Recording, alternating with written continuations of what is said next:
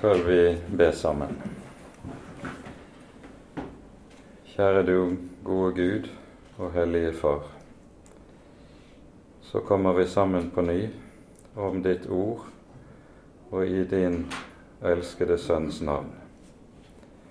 Takk, Herre, at du har kalt oss, og at du har gitt oss en evig frelse i din Sønn. Takk, Herre Jesus, at du ga livet ditt for vår skyld og har betalt hele prisen for vår forløsning. Nå ber vi, Herre, at du vil være hos oss med din Hellige Ånd. Gi oss lys i ordet ditt, og gi oss nåde til å stadig knyttes fastere til Jesus. Det ber vi, Herre, i ditt eget navn, og takker og lover deg fordi du er god, og din miskunnhet varer til evig tid. Amen.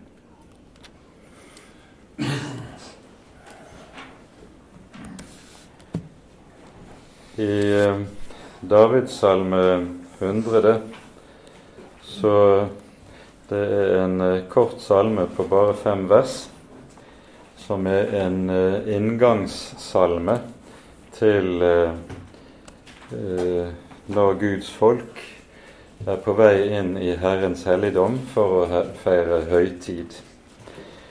I denne salmen så sies det sånn i vers 3.: Kjenn at Herren er Gud. Han har skapt oss, og ikke vi selv, til sitt folk og til den jord han før. Det ordet som her er oversatt med som 'han før', det, for tydelighetens skyld så burde det heller vært oversatt med som 'han gjeter'. For det er hyrdebildet som ligger i bunn i eh, det som uh, lyder her. Men der sies det altså at Herren er den som har skapt sitt folk. Dette gjelder i Det gamle testamentet, og det understrekes med stor styrke gjennom hele Det gamle testamentet at Herren tok seg ut Israel, han skapte dette folket, ved utfrielsen fra fangenskapet i Egypt. På denne måten er Israels folk Guds verk, Guds skapning. Og På samme måte så lærer også Det nye testamentet om det nytestamentlige Guds folk at dette er et Guds verk, en Guds skapning. Den kristne menighet, eller den kristne kirke, er ikke noe som er blitt til ut fra en slags sånn sosial kontrakt om at vi som er enige om bestemte religiøse ting, og har bestemte religiøse interesser, vi slutter oss sammen i en uh, forening som vi kaller for kirke. I stedet lærer Det nye testamentet oss med stor tydelighet at det er Herren som skaper sin menighet, som skaper sin kirke. I apostlenes gjerninger, f.eks., når det står om den første menighet etter pinsedag, så sies det i det siste verset i apostelgjerningene 2 at Herren la hver dag dem som lot seg frelse, til menigheten. Det er altså noe som Herren gjør, det er ikke noe som mennesker gjør. Og Dette er et overordnet perspektiv som er helt avgjørende å være klar over hvis vi skal tale rett om den kristne menighet og den kristne kirke. Dette er ikke noe som er menneskers verk eller mennesker, en menneskelig ordning som er dannet ut fra menneskelige interesser. Gud har skapt seg et folk. Og Det innebærer at det å være et kristent menneske, det er å tilhøre Guds folk, dvs. Si den kristne menighet her i verden. Den kristne tro, det er det vi kunne kalle for en fellesskapsreligion. Det å høre Jesus til, det er samtidig også å høre sammen med Guds folk. Og dette er noe som er nødvendig i dag å understreke i møte med moderne individualisme. Der man tenker så å si om gudsforholdet at det er en privatsak mellom Gud og meg, og meg alene. Sånn er det ikke. Det å være en kristen, det er alltid å høres til et folk som er Guds folk, konkret her på jorden Guds menighet. Et grunnleggende ord om dette finner vi i Matteusevangeliets 16. kapittel, og vi skal begynne der. Her er det vi hører Peters store bekjennelse. Jesus er nå avsides helt nord i Israel med sine disipler, på grensen mot uh, det som er dagens Libanon. Og uh, han spør disiplene hvem sier folk at jeg er, og så får til svar noen sier så, andre så. Men dere, hvem sier dere at jeg er? Hvorpå Peter på disiplene sine vegne svarer, du er Messias, den levende Guds sønn. Og så er det at Jesus da uttaler sin saligprisning over Peter av denne bekjennelse. Vi hører fra vers 17. Salig er du, Simon, Jonas' sønn, for ikke kjøtt og blod har åpenbart deg dette, men min far i himmelen. Og jeg sier deg at du er Peter, og på denne klippe vil jeg bygge min menighet, og dødsrikets porter skal ikke få makt over den. Jeg vil gi deg nøklene til himlenes rike, og det du binder på jorden, skal være bundet i himmelen, og det du løser på jorden, skal være løst i himmelen. Som dere nok vil vite, de fleste av dere, så er det jo vers 18, det verset som pavekirken grunner sine krav på. Det er en innlesning i eh, bibelteksten de hevder at Peter er klippen som Jesus vil bygge sin menighet på.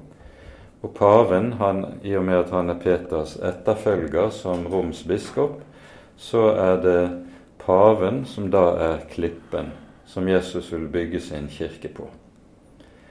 Dette innebærer flere kortslutninger som vi eh, ikke behøver å gå veldig mye inn på, men bare ganske kort skal vi gjøre oppmerksom på at i den greske grunnteksten i Matteus 18 så brukes det to forskjellige former av ordet Peter. Petros på gresk betyr klippe.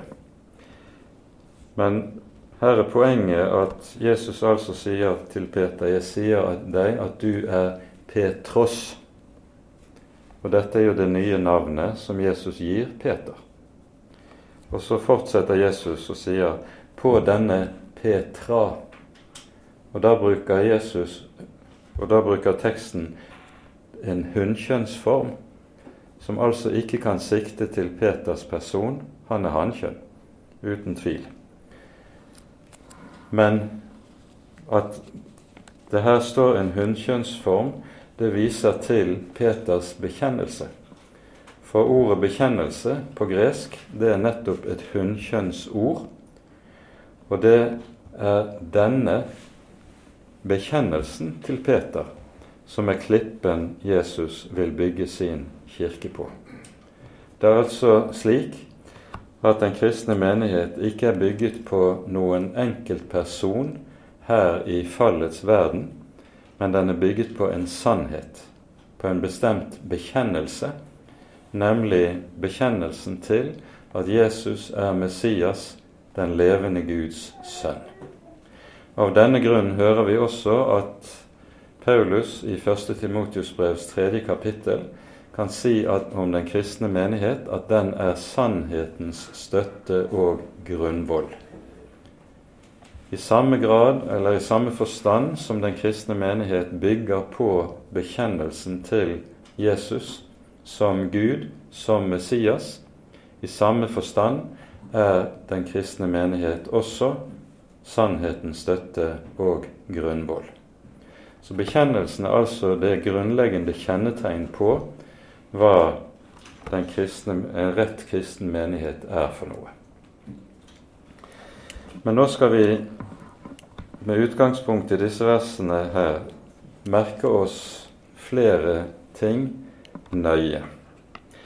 Og Det første som vi skal understreke her, det er at Jesus sier 'Jeg vil bygge min menighet'.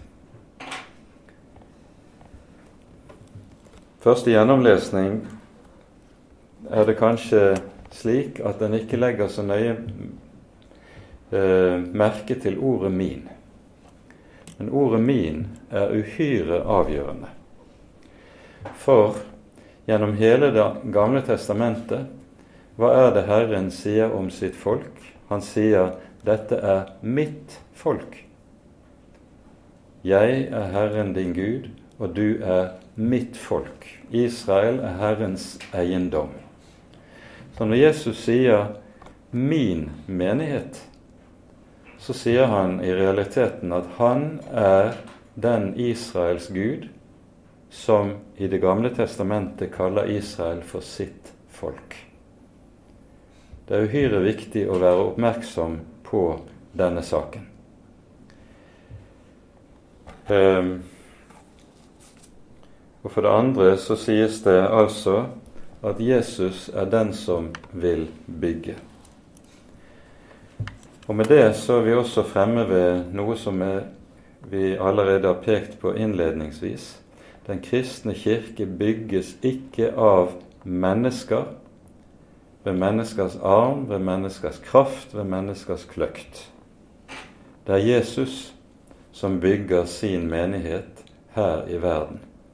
Det som ikke bygges av Jesus, er ikke verd å kalles kirke eller menighet. Vi skal komme tilbake til det. Og så merker vi oss også til slutt, i vers 18, dette store løftet. Dødsrikets porter skal ikke få makt over den. Det betyr at så lenge denne verden står, så skal det være en kristen menighet, en kristen kirke, her i tiden.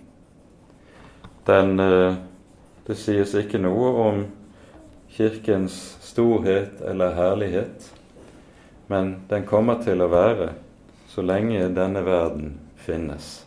Så vil det være en kristen menighet her i verden. Det er den kirke som bekjenner seg til Kristi person, som har dette løftet. Noen annen kirke har ikke dette løftet. Ordet for eh, kirke i den greske grunnteksten er ordet 'eklesia'.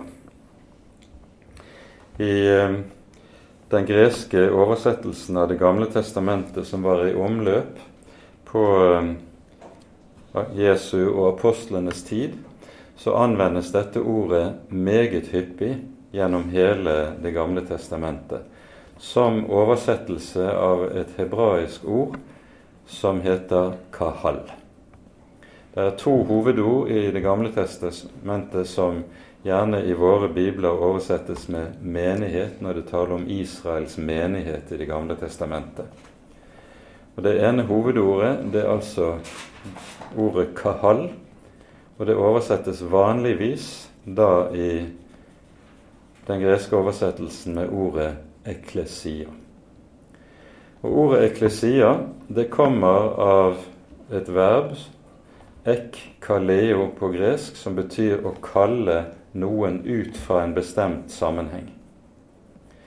I profangresken så ble ordet brukt om en hvilken som helst offentlig folkeforsamling.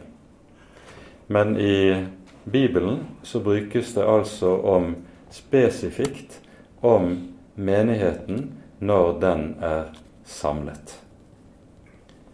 Det er en menighet som er kalt ut, nemlig kalt ut fra denne verden for å tilhøre Herren. Her kan vi kanskje bare få minne om innledningsordene i Galaterbrevet, der Paulus skriver i kapittel 1 i vers 4 så beskriver han det som er selve sentrum i frelsen. Han sier om Jesus i Galaterne 1,4.: Han er den som ga seg selv for våre synder, for å fri oss ut fra den nåværende onde verden etter vår Guds og Faders vilje. Guds folk er et folk som er fridd ut fra den nåværende onde tidsalder, på samme måte som Israels folk var fridd ut fra farao og fangenskapet i Egypt. Guds folk det er et folk som altså er kalt ut fra verden for å skape, bli et nytt folk. Og eh, i 1. Peters brev, i kapittel 2, så hører vi Peter sitere fra profeten Hoseas, der det skrives 'Dere som før ikke var et folk, dere er nå Guds folk'.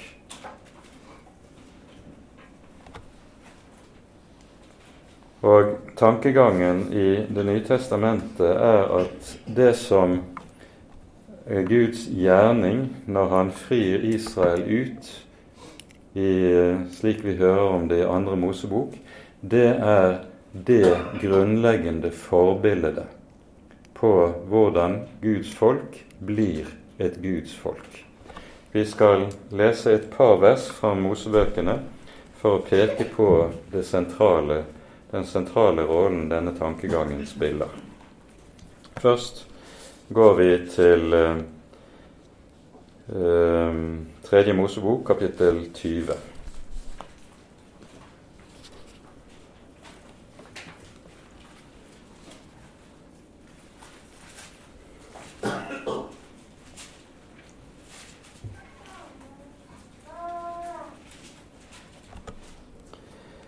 Her eh, er det tale om eh, I vers 24 hører vi Herren si til folket dere skal ta deres land i eie. Jeg vil gi dere landet til eiendom, et land som flyter med melk og honning. Jeg er Herren deres Gud, som har skilt dere ut fra folkene. Merk formuleringen 'Jeg er Herren deres Gud, som har skilt dere ut'. Det er altså ikke Israels folk som selv har skilt seg ut, men det er Herren som har satt et skille ved å ta seg ut et folk for sitt navn, som er en formulering som anvendes en rekke steder i Det gamle testamentet. Samme saken gjentas i vers 26, der det står Dere skal være hellige for meg, for jeg, Herren, er hellig, og jeg har skilt dere ut fra folkene for at dere skal høre meg til. Jeg har skilt dere ut for at dere skal høre meg til. Vi må også peke på Femte Mosebok, kapittel fire. Her eh, hører vi Moses sammenfatte hva som er Guds gjerning med folket i befrielsen.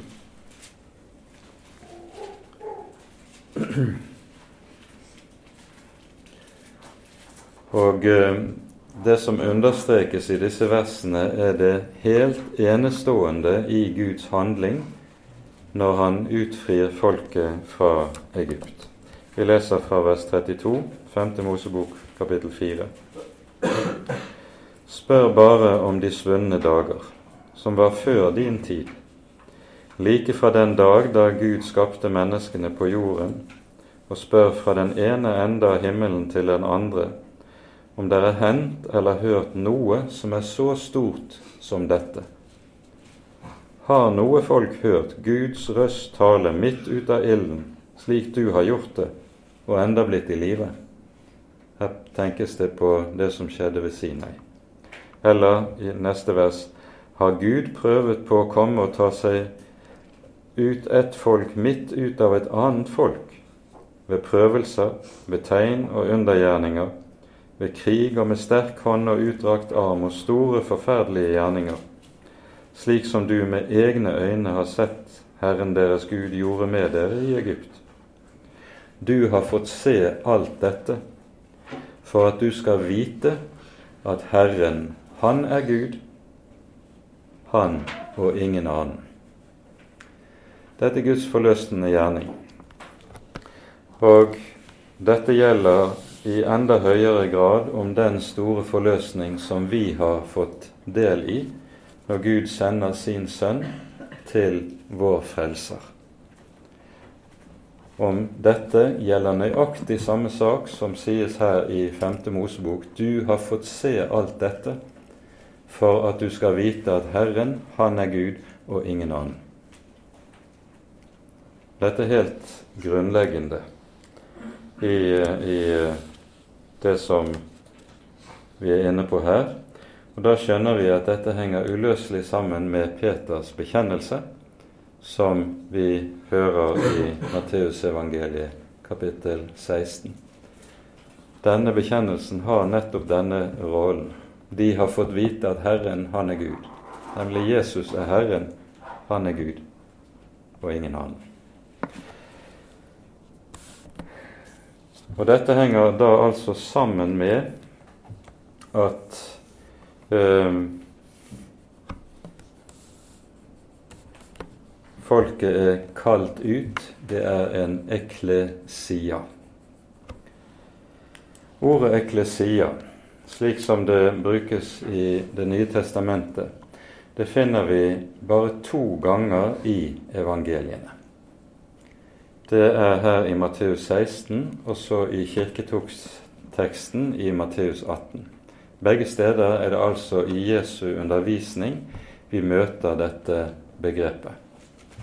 Men når vi kommer til apostelgjerningene og til Paulus' brever, så anvendes dette ordet meget, meget hyppig. I apostelgjerningene alene brukes det to eller 23 ganger om menigheten i tillegg flere ganger om en folkeforsamling, offentlig forsamling, som ikke er menigheten, slik vi f.eks. hører det om, om uh, dette oppløpet som var i Efesus i apostelgjerningene 19.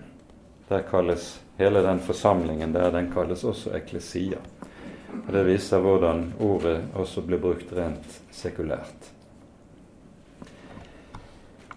Men selv om ordet ikke anvendes så ofte i evangeliene, så hører vi likevel at begrepet dukker opp på en rekke andre måter. I det bildet av forholdet mellom Herren og de troende som Guds folk er noe som dukker opp på en rekke områder. F.eks. Johannes evangeliet kapittel 10. Jesus er den gode hyrde. Hans folk er flokken som han gjeter. Eller vi har Johannes evangeliet kapittel 15. Jesus er vinstokken. De troende er grenene som vokser på og spirer på vinstokken. Vi har Matteusevangeliets 13. kapittel, der vi hører såmannslignelsene. Du hører lignelsen om noten i sjøen, f.eks. Hele tiden er det tale om bilder som anskueliggjør dette at Herren er og folket hører sammen. Vi bruker ikke mye tid på akkurat dette. I brevene er det særlig to eller tre bilder som dukker opp hyppig. Det ene og det viktigste bildet hos Paulus det er jo bildet av legeme, menigheten som Kristi legeme, og den Herre Jesus som hode for legeme. Dette bildet møter vi igjen og igjen i Paulus sine brev. Paulus bruker også et annet bilde, og det er bildet av bygningen eller av tempelet. Der menigheten er et tempel som bygges opp, der det enkelte troende så å si er en murstein eller en stein i byggverket, mens Jesus er hjørnesteinen i dette byggverket. Det er også bildet som anvendes.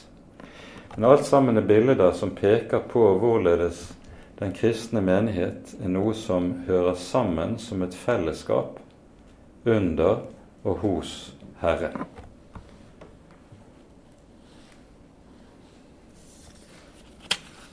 Derfor må vi understreke på ny dette som vi har sagt allerede. Den kristne tro er en fellesskapsreligion. Det har av og til vært formulert på den måten at Gud har ingen enebarn.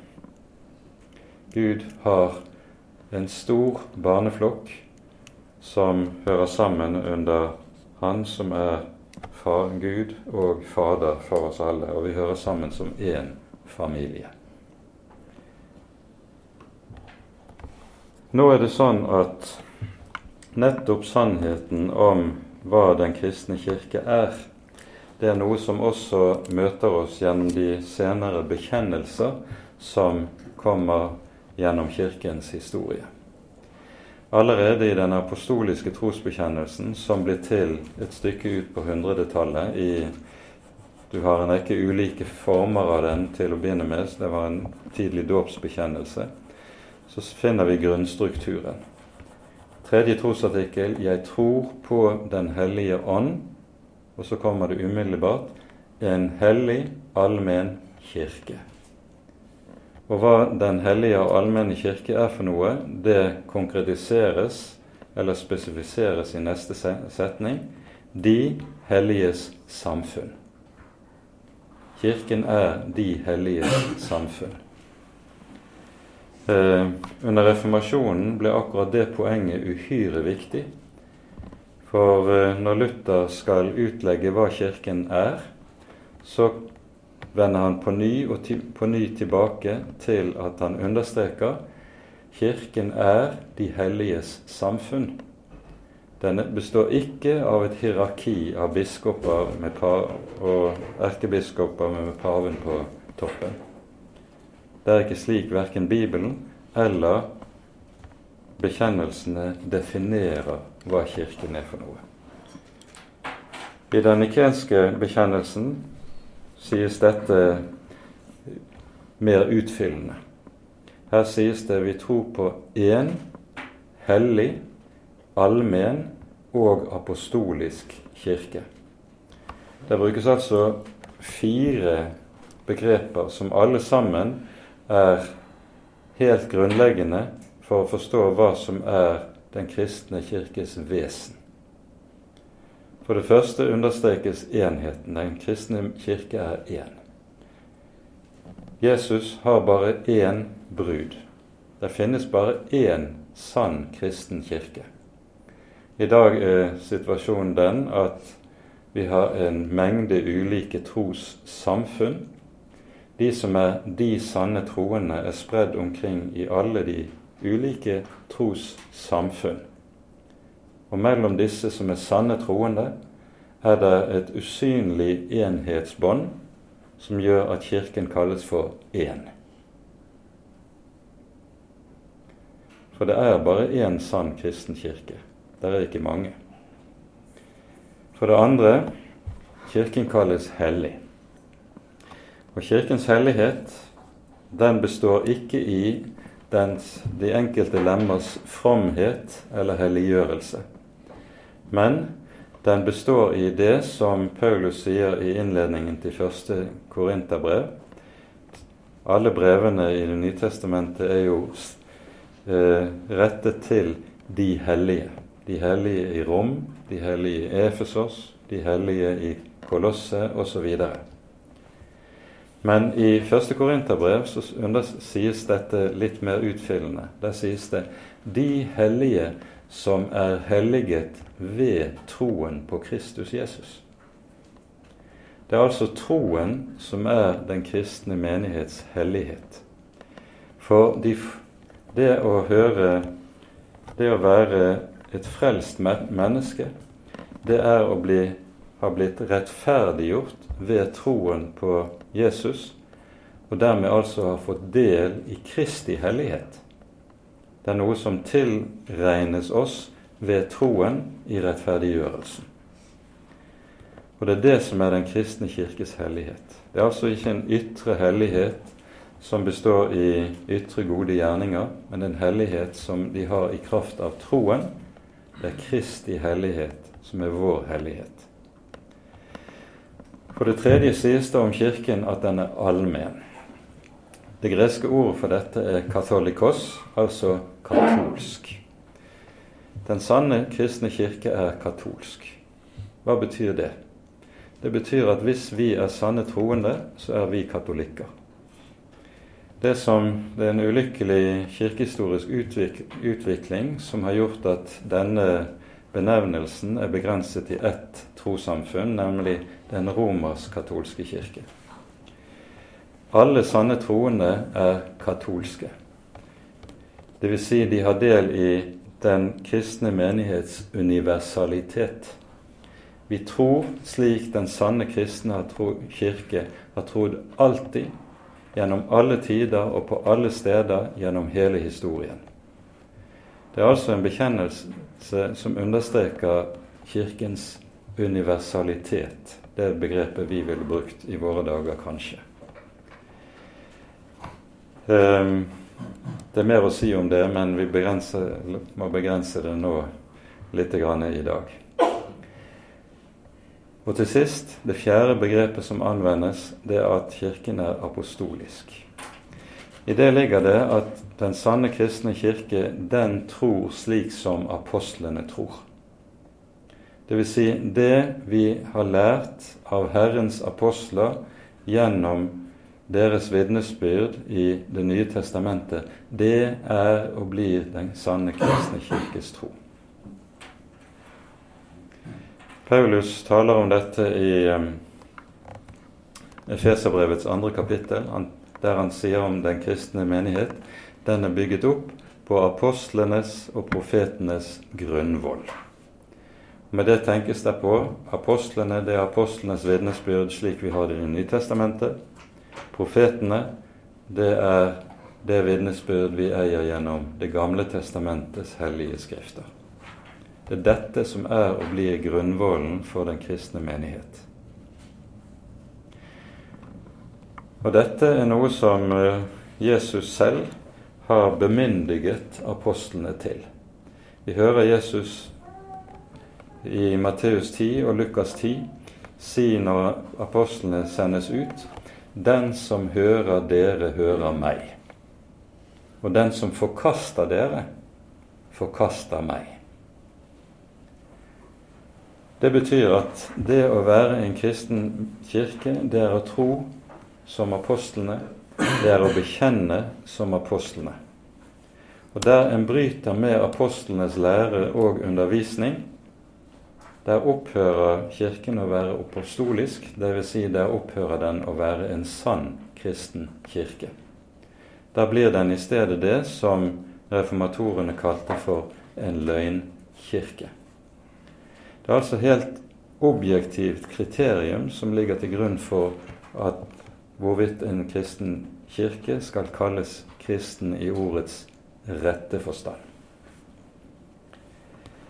Når vi kommer til eh, reformasjonen, så blir det nødvendig på ny å arbeide med bekjennelse.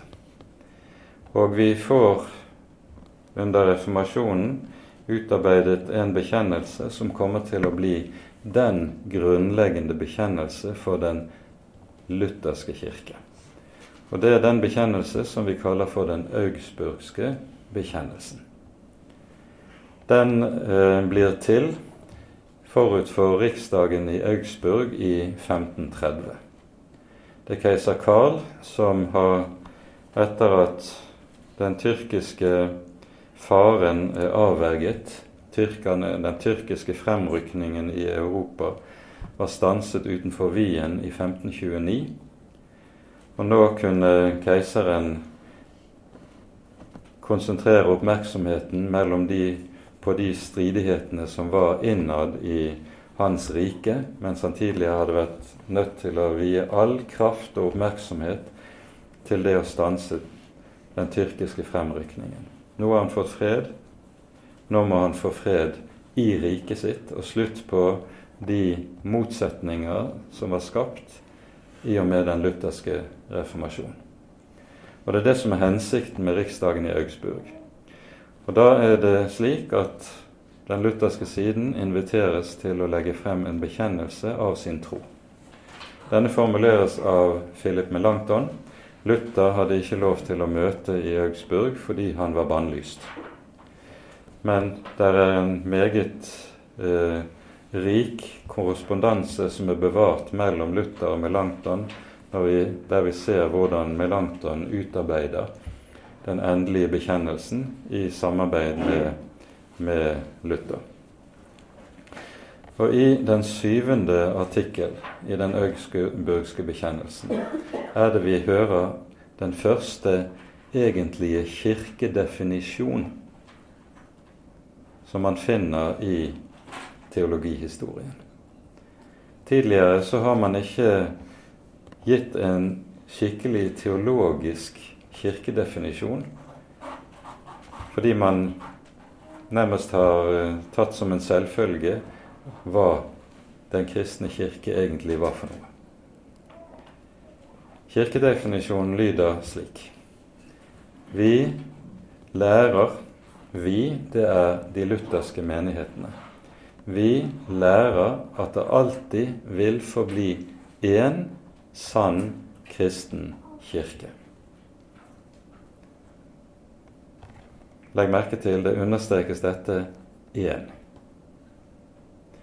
For det andre så føler det Men Kirken er de helliges forsamling, der evangeliet forkynnes rent og sakramentene forvaltes rett.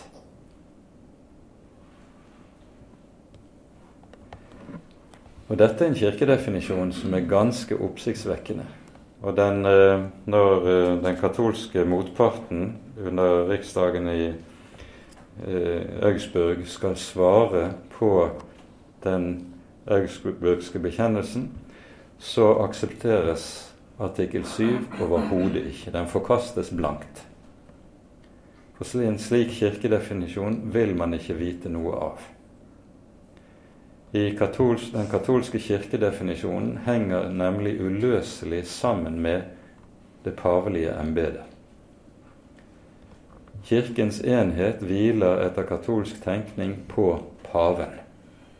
Det er han som er så å si garantisten for Kirkens enhet, og det kirkelige hierarki under ham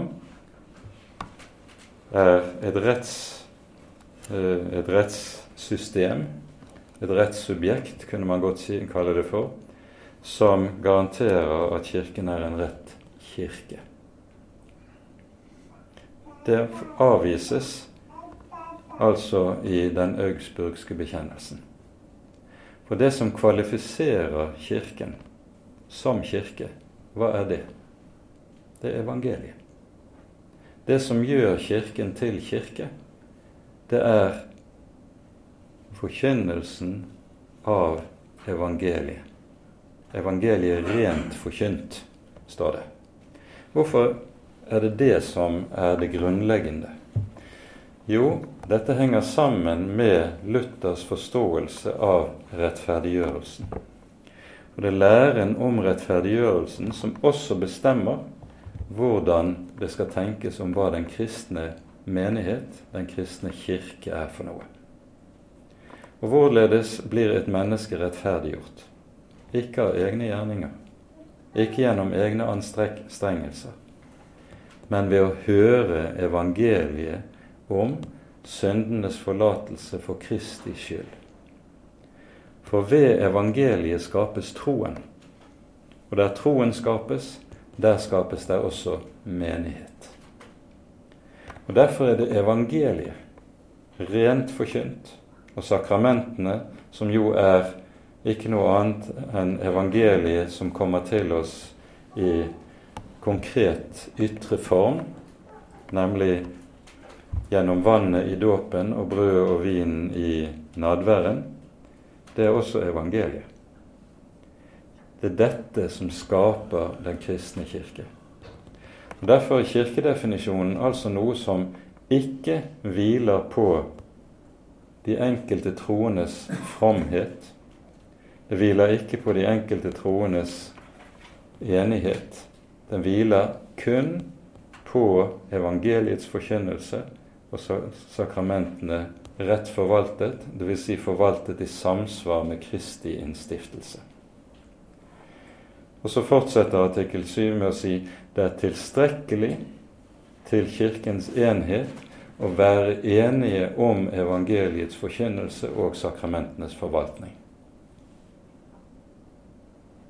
Det er ikke nødvendig, kommer det videre, å være enige om ulike menneskelige tradisjoner, ritualer eller kirkelige skikker. Det kan variere. Det er ikke nødvendig at man har enighet i slike ting. Men når det gjelder evangeliets forkynnelse og sakramentenes forvaltning, da må det være enighet.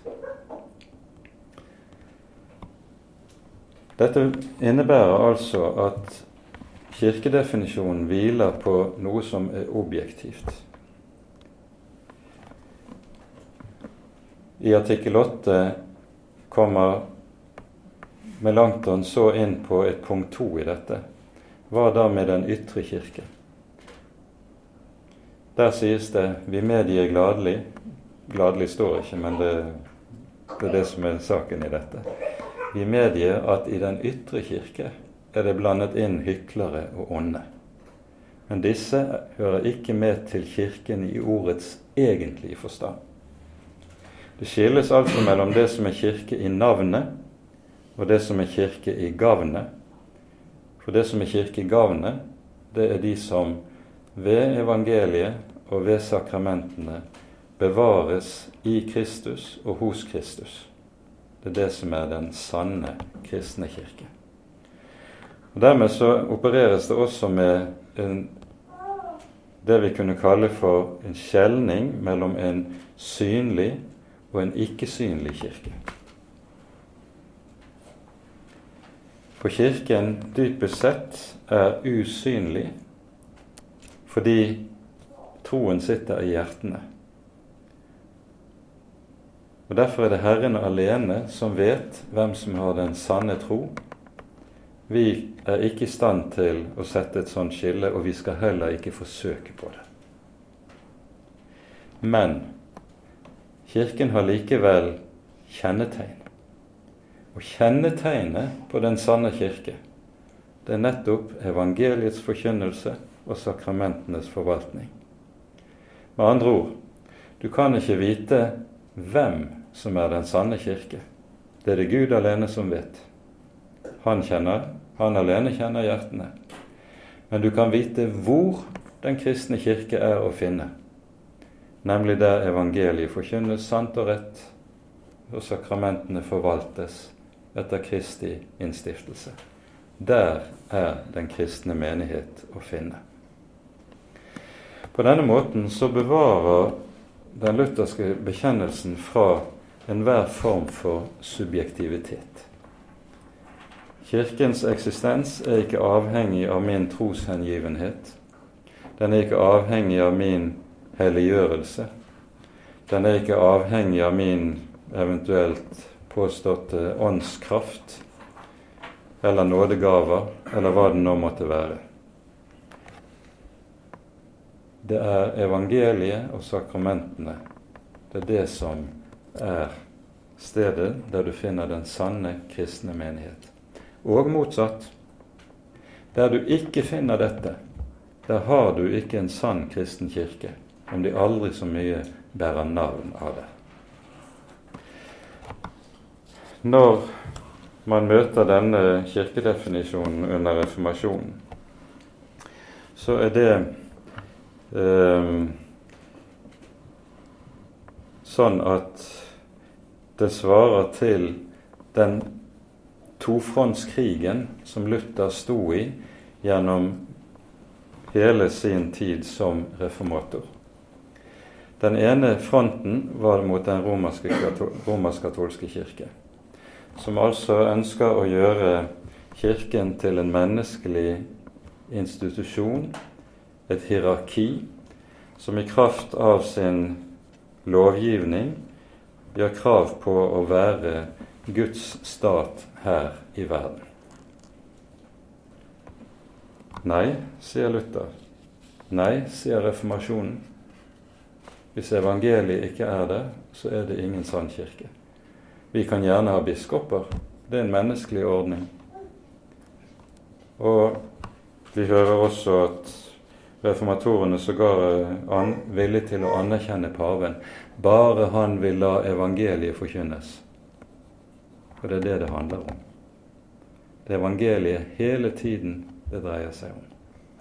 For det er rent ytre og menneskelige ordninger, og det kan det være frihet i forhold til. Det er nemlig ikke nødvendig at det er enighet om alle slags ytre menneskelige ordninger. På motsatt side har du altså den annen front, og det var fronten mot svermerne. De ønsket nettopp å legge kirkedefinisjonen til den enkelte troendes åndsfylde og helliggjørelse. Så der du hadde enkelttroende som var, kunne hevde de hadde Den hellige ånd, var blitt fylt av Den hellige ånd, av den grunn også var hellige. Der hevdet svermerne der har du en sann kristen kirke. Nei, sier reformasjonen, kirken er ikke grunnet på den slags subjektive ting. Kirken er grunnet på noe objektivt, nemlig evangeliet og sakramentene. De har Kristus gitt oss. Dette er det Han som har innstiftet skal være en ordning som alltid er her i verden for at mennesker skal bli frelst. Og da kommer artikkel 5 i den augsburgske bekjennelsen inn. Så disse, hele den augsburgske bekjennelsen henger sammen, organisk sammen. I artikkel 5 er det slik at den innledes med ordene For at vi skal komme til denne tro, er det innstiftet en ordning med å forkynne evangeliet og forvalte sakramentene. For ved ordet og sakramentene som midler blir Den hellige ånd gitt hvor og når Gud vil. Artikkelen innledes altså med ordene 'for at vi skal komme til denne tro'. Hvilken tro er det? Det er definert i artikkelen før, i artikkel 4, der vi hører om rettferdiggjørelsen. Og Der bekjennes det at vi blir ikke rettferdiggjort på grunnlag av egne gjerninger, fortjenester eller noe annet som et menneske kan bidra med. Men vi blir rettferdiggjort ene og alene for Kristi skyld, som har lidd døden for våre synder, og derved har, gitt, har formidlet til oss syndenes forlatelse, liv og salighet. Det er denne tro det handler om. Og det sies altså for at vi skal komme til denne tro er det innstiftet en tjeneste. Og Derfor er artikkel 5 i Augustana en artikkel som taler om at det som skal kjennetegne en rett kristen kirke, det er at det er en ordnet forvaltning her i tiden av evangeliets forkynnelse og av sakramentenes forvaltning. Dette er det som uh, hører inn i den lutherske forståelsen av dette. Og dette springer direkte ut av forståelsen av hva evangeliet er for noe. Evangeliet om rettferdiggjørelsen for Kristi skyld.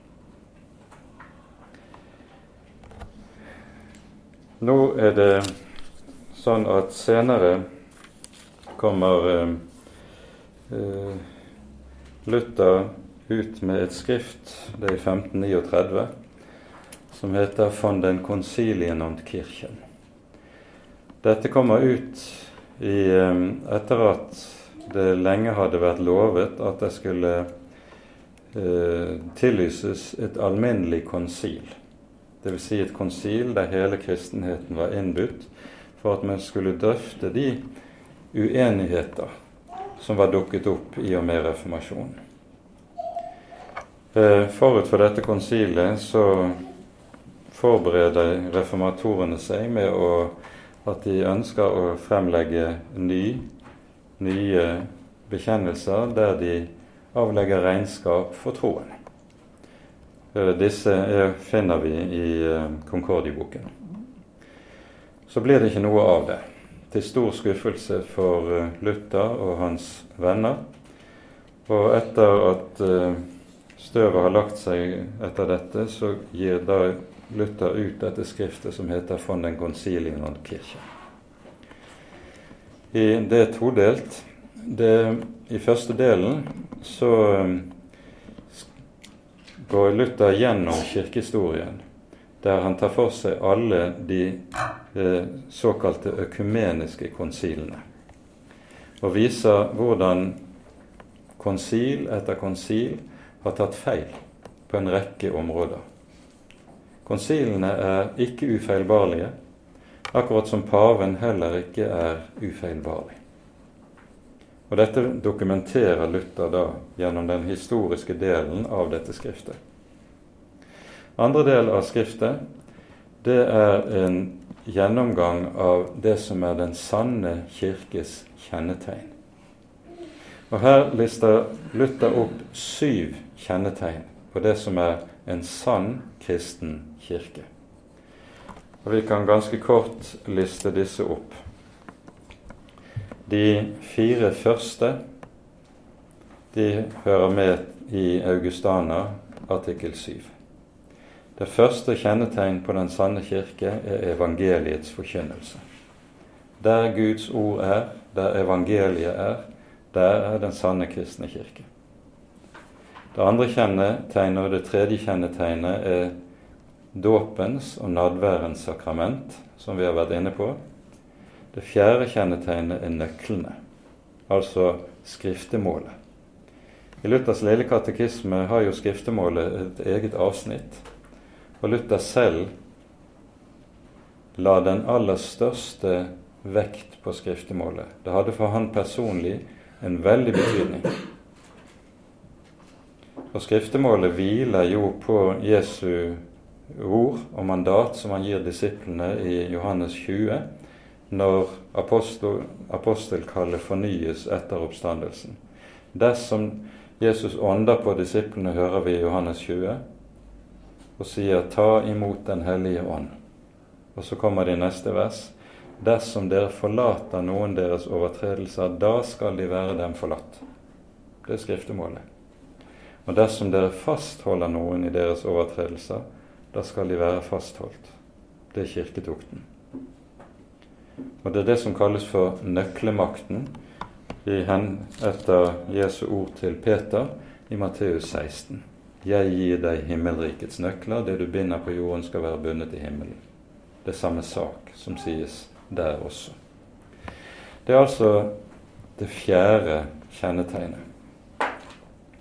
Det femte kjennetegnet, det er embetet.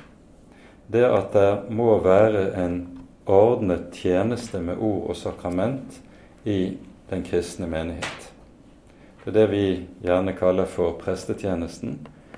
Eh, som i Det nye testamentet har en rekke ulike navn og betegnelser. I Det nye testamentet kalles det som vi benevner som prest, det kalles hyrde, det kalles eldste, det kalles tilsynsmann, det kalles forstander. Det er en rekke ulike betegnelser som brukes på samme tjenesten. Men poenget er at den tjenesten må der være i en kristen menighet for at det skal være en ordnet forvaltning av nådemidlene. Det sjette kjennetegnet er bønnen. Og Når Luther peker på bønnen, så tenker han ikke på den personlige og private bønnen, men han tenker på den offentlige bønn som foregår i den kristne gudstjenesten. Eh, mer skal vi si om det ved en senere anledning. Eh, det syvende kjennetegnet er korset. Der du har en sann kristen menighet, der Kristi evangelium lyder, der vil dette alltid oppleve trengsel, motstand fra denne verden og fra denne verdens mennesker. Av og til ytrer denne motstanden seg i form av forfølgelse, andre ganger på andre vis. Men denne verden kan aldri godta og akseptere evangeliet. Og Derfor vil den kristne menighet alltid være under korset her i verden. Dette er de syv kjennetegnene som Luther lister opp i denne sammenheng, og de er vel verd å grunne mye over. For han eh, har med dette satt ord på noe som jeg tror jeg ikke bare har gyldighet under reformasjonen, men har gyldighet til alle tider. Det er altså sånn at skal vi tale rett og sant om hva den kristne kirke er, så er vi nødt til å tale om hva evangeliet er. Og uten å tale rett om evangeliet, så kan du heller ikke tale rett om hva den kristne menighet er. Før vi setter punktum, så skal jeg kanskje også presisere. I denne timen har vi brukt ordet menighet og ordet kirke om hverandre. I Det nye testamentet har vi bare ett begrep for dette. Det er ordet eklesia. I nyere bibeloversettelser oversettes dette ordet enten som kirke eller som menighet. Og det er sammenhengen som ordet står i, som avgjør det. Der er det tydelig fra sammenhengen at det tenkes på den universelle kristne menighet, der oversettes gjerne ordet med begrepet kirke, mens der det taler om den lokale forsamling, der oversettes ordet med menighet. Men i den bibelske grunnteksten er det altså det samme begrepet som ligger til grunn hele veien. Og Når det samme begrepet ligger til grunn hele veien, så understreker det for oss at det som gjelder hele Kirken som fellesskap, den universelle, ene, sanne kirke. At den har Kristus som hode og eier hele Kristi fylde.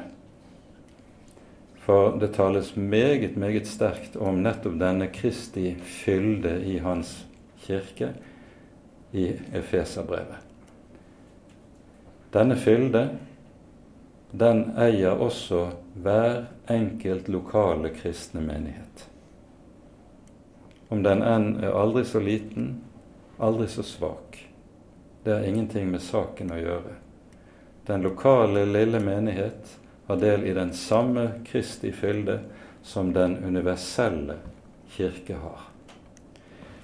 Og Kanskje vi da skal slutte av med, når vi understreker dette, med å lese noen vers fra Efeserbrevet.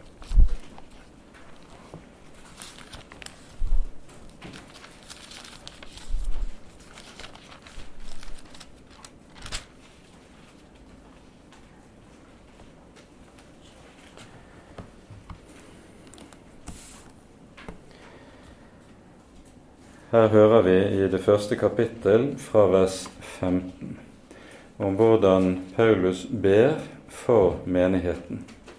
Og ber om at menigheten skal fylles med lys, få opplyste øyne og hjerter til å se hvilken herlighet den har del i ved troen på Jesus.